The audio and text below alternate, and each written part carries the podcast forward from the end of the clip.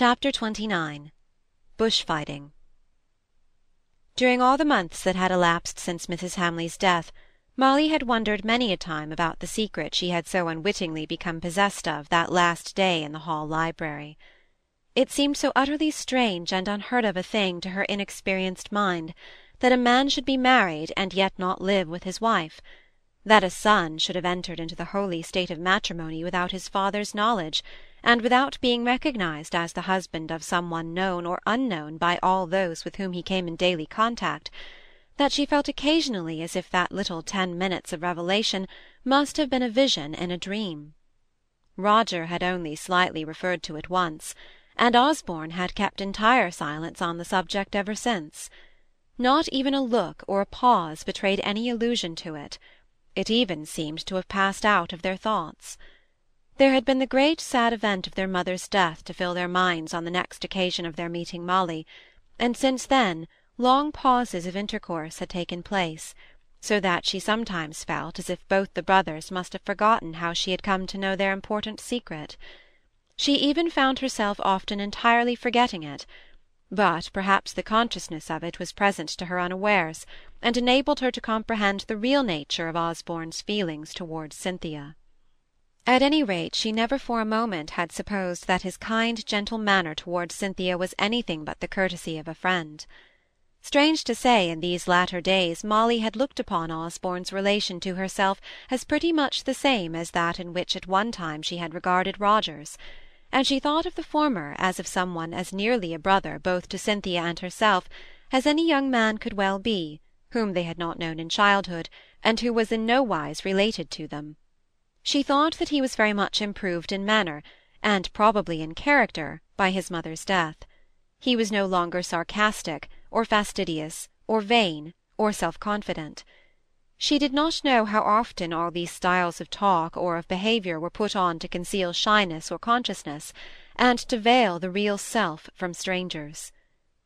Osborne's conversation and ways might very possibly have been just the same as before, had he been thrown amongst new people, but Molly only saw him in their own circle in which he was on terms of decided intimacy. Still there was no doubt that he was really improved though perhaps not to the extent for which Molly gave him credit; and this exaggeration on her part arose very naturally from the fact that he, perceiving Roger's warm admiration for Cynthia, withdrew a little out of his brother's way, and used to go and talk to Molly in order not to intrude himself between Roger and Cynthia.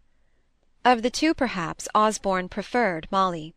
To her he needed not to talk if the mood was not on him they were on those happy terms where silence is permissible, and where efforts to act against the prevailing mood of the mind are not required.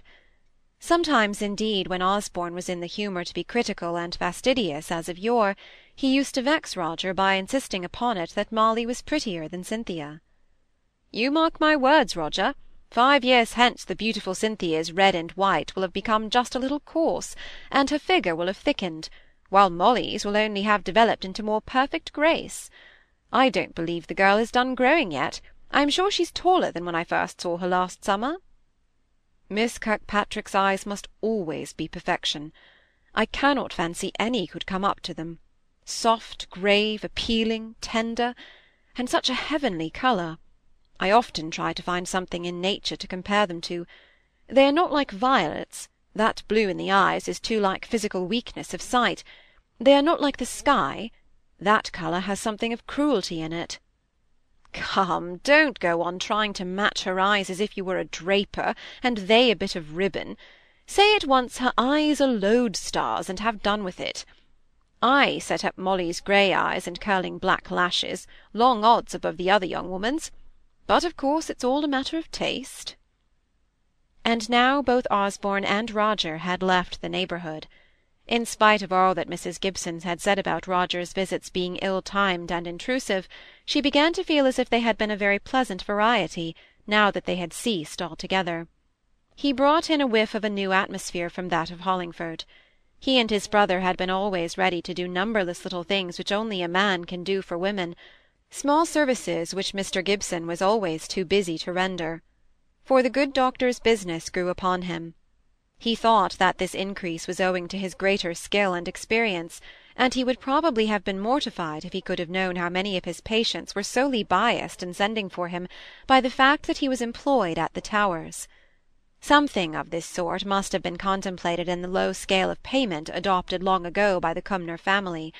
Of itself the money he received for going to the Towers would hardly have paid him in horseflesh; but then, as Lady Cumnor in her younger days had worded it, "It is such a thing for a man just setting up in practice for himself to be able to say he attends at this house." So the prestige was tacitly sold and paid for but neither buyer nor seller defined the nature of the bargain. On the whole, it was as well that Mr. Gibson spent so much of his time from home. He sometimes thought so himself when he heard his wife's plaintive fret or pretty babble over totally indifferent things, and perceived of how flimsy a nature were all her fine sentiments. Still he did not allow himself to repine over the step he had taken he wilfully shut his eyes and waxed up his ears to many small things that he knew would have irritated him if he had attended to them and in his solitary rides he forced himself to dwell on the positive advantages that had accrued to him and his through his marriage. He had obtained an unexceptionable chaperon, if not a tender mother, for his little girl, a skilful manager of his previously disorderly household, a woman who was graceful and pleasant to look at for the head of his table. Moreover, Cynthia reckoned for something on the favourable side of the balance. She was a capital companion for Molly, and the two were evidently very fond of each other. The feminine companionship of the mother and daughter was agreeable to him as well as to his child. When Mrs. Gibson was moderately sensible and not over sentimental, he mentally added, and then he checked himself, for he would not allow himself to become more aware of her faults and foibles by defining them. At any rate, she was harmless and wonderfully just to Molly for a stepmother. She piqued herself upon this indeed, and would often call attention to the fact of her being unlike other women in this respect. Just then sudden tears came into Mr. Gibson's eyes, as he remembered how quiet and undemonstrative his little Molly had become in her general behaviour to him, but how once or twice, when they had met upon the stairs, or were otherwise unwitnessed, she had caught him and kissed him, hand or cheek, in a sad passionateness of affection but in a moment he began to whistle an old Scotch air he had heard in his childhood, and which had never recurred to his memory since, and five minutes afterwards he was too busily treating a case of white swelling in the knee of a little boy, and thinking how to relieve the poor mother, who went out charring all day, and had to listen to the moans of her child all night, to have any thought for his own cares, which, if they really existed, were of so trifling a nature compared to the hard reality of this hopeless woe. Osborne came home first. He returned, in fact, not long after Roger had gone away, but he was languid and unwell, and though he did not complain, he felt unequal to any exertion. Thus a week or more elapsed before any of the Gibsons knew that he was at the Hall, and then it was only by chance that they became aware of it. Mr. Gibson met him in one of the lanes near Hamley. The acute surgeon noticed the gait of the man as he came near, before he recognised who it was. When he overtook him, he said, "Why, Osborne, is it you? I thought it was an old man of fifty loitering before me. I didn't know you had come back." "Yes," said Osborne. "I've been at home nearly ten days. I dare say I ought to have called on your people, for I made a half promise to Mrs. Gibson to let her know as soon as I returned; but the fact is I'm feeling very good for nothing. This air oppresses me; I could hardly breathe in the house and yet I'm already tired with this short walk." "You'd better get home at once, and I'll call and see you as I come back from Rose." "No, you mustn't on any account," said Osborne hastily. "My father is annoyed enough about my going from home so often, he says, though I hadn't been from it for six weeks. He puts down all my languor to my having been away.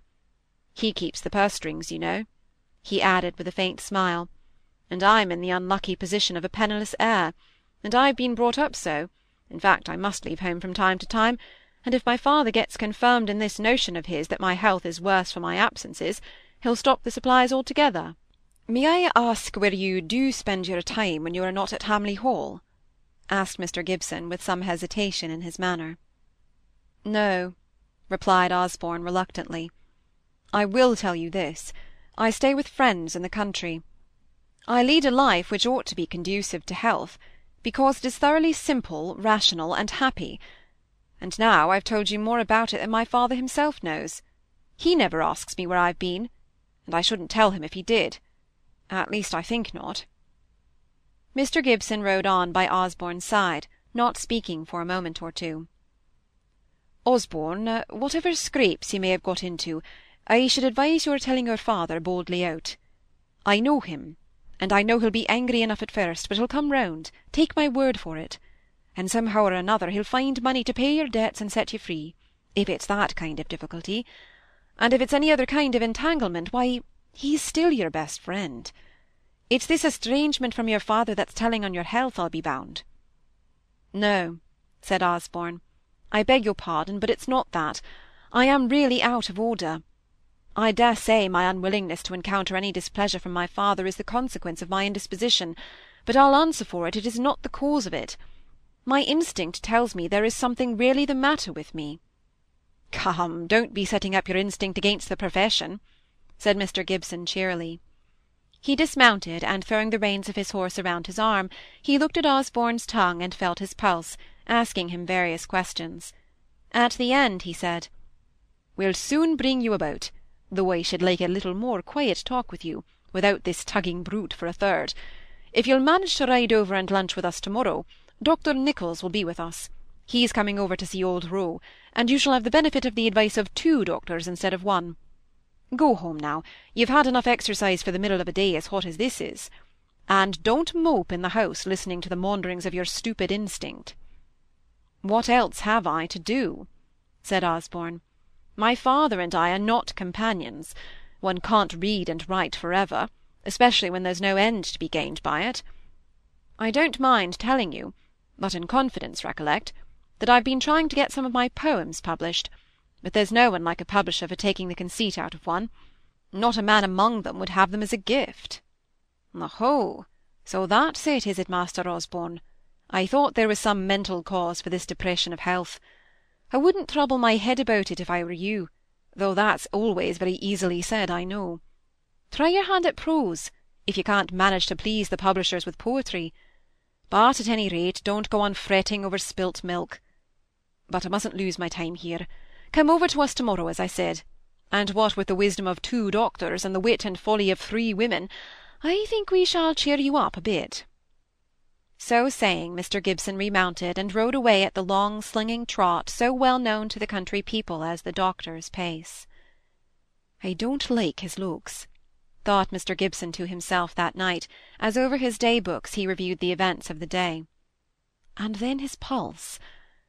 But how often we're all mistaken, and ten to one my own hidden enemy lies closer to me than his does to him, even taking the worse view of the case. Osborne made his appearance a considerable time before luncheon the next morning, and no one objected to the earliness of his call. He was feeling better; there were few signs of the invalid about him, and what few there were disappeared under the bright pleasant influence of such a welcome as he received from all. Molly and Cynthia had much to tell him of the small proceedings since he went away, or to relate the conclusions of half-accomplished projects. Cynthia was often on the point of some gay, careless inquiry as to where he had been, and what he had been doing; but Molly, who conjectured the truth, as often interfered to spare him the pain of equivocation, a pain that her tender conscience would have felt for him much more than he would have felt it for himself. Mrs Gibson's talk was desultory, complimentary, and sentimental, after her usual fashion, but still, on the whole, though Osborne smiled to himself at much that she said, it was soothing and agreeable. Presently Dr. Nicholls and Mr. Gibson came in. The former had had some conference with the latter on the subject of Osborne's health, and from time to time the skilful old physician's sharp and observant eyes gave a comprehensive look at Osborne.